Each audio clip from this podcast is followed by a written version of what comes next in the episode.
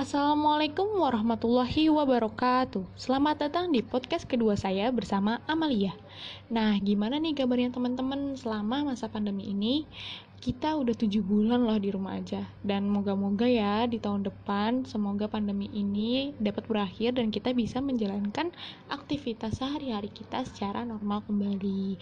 Nah, kali ini saya mau membahas um, sedikit mengenai gimana sih caranya mewujudkan masyarakat yang harmonis. Nah, kalau menurut saya pribadi nih teman-teman, mewujudkan masyarakat yang harmonis itu kita harus punya sikap toleransi.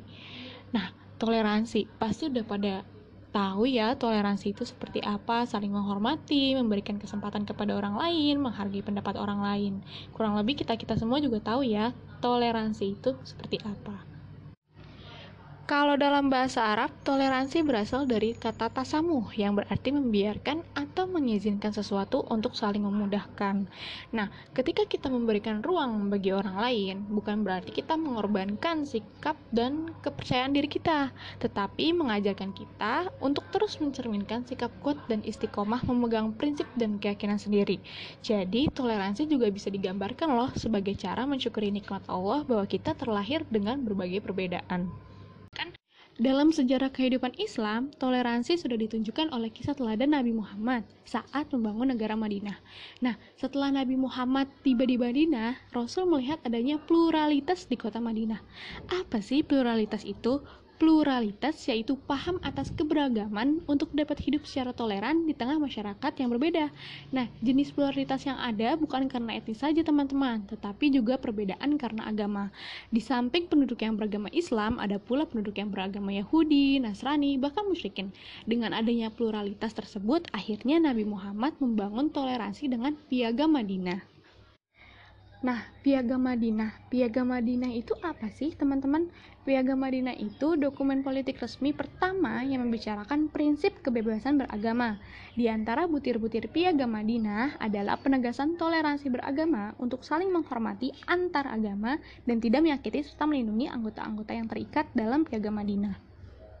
Nah, kalau kita lihat nih ya teman-teman, Piagam Madinah dan Pancasila ini memiliki uh, kesamaan prinsip gitu. Kalau Piagam Madinah membicarakan prinsip kebebasan beragama, dalam Pancasila itu ada di sila ketiga yaitu Persatuan Indonesia.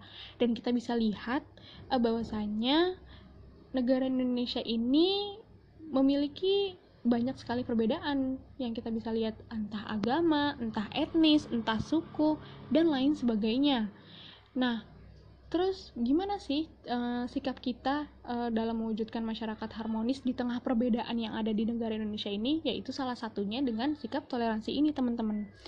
Nah, sikap toleransi ini gak cuma tentang gak cuma menghormati perbedaan antar agama, etnis, suku dan lain sebagainya, tetapi juga bagaimana dalam kehidupan sehari-hari ini kita bisa mencerminkan sikap toleransi dalam uh, berbeda pendapat karena banyak dari kita yang contohnya deh dalam pemilihan uh, presiden waktu itu kamu milih si A, kamu milih si B, banyak sekali pertentangan dan perselisihan antar tersebut karena kita terlalu mengkotak-kotakan dan membeda-bedakan gitu loh.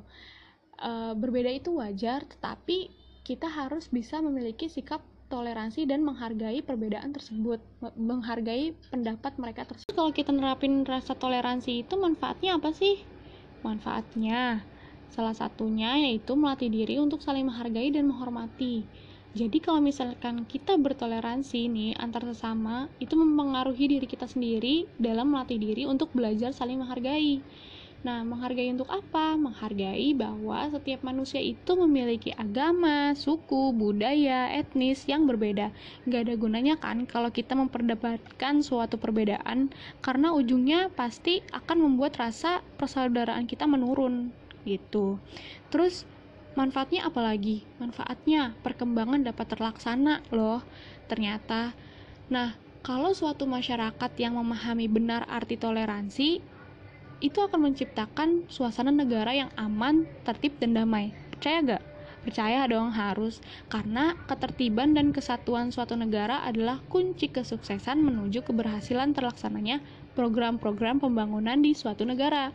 Sebaliknya, jika kita nggak punya rasa toleransi nih dalam suatu masyarakat akan membuat kekacauan, pertikaian, saling menuduh, dan banyak permasalahan lain yang pastinya menghambat suatu kemajuan daerah dan bangsa. Nah, selain itu, Manfaat dari toleransi adalah tidak membuat diri merasa paling benar. Toleransi akan membuat individu dapat berpikir lebih positif. Gak cuma itu, dengan mengandalkan toleransi, pemimpin akan memimpin warganya dengan sangat adil. Kenapa? Karena perbedaanlah yang membuat individu akan berpikir lagi mengenai setiap keputusan dari berbagai sudut pandang, yang akan membuatnya semakin rendah hati serta tidak merasa paling benar. Nah, itu dia teman-teman, gimana caranya kita bisa mewujudkan suatu masyarakat yang harmonis dengan sikap toleransi. Hmm, mulailah dari diri pribadi kita sendiri dulu ya untuk menerapkan sikap toleransi tersebut. Hmm, kayaknya itu aja sih yang bisa saya sampaikan. Hmm, kurang lebihnya mohon maaf ya teman-teman. Assalamualaikum warahmatullahi wabarakatuh. See you next time.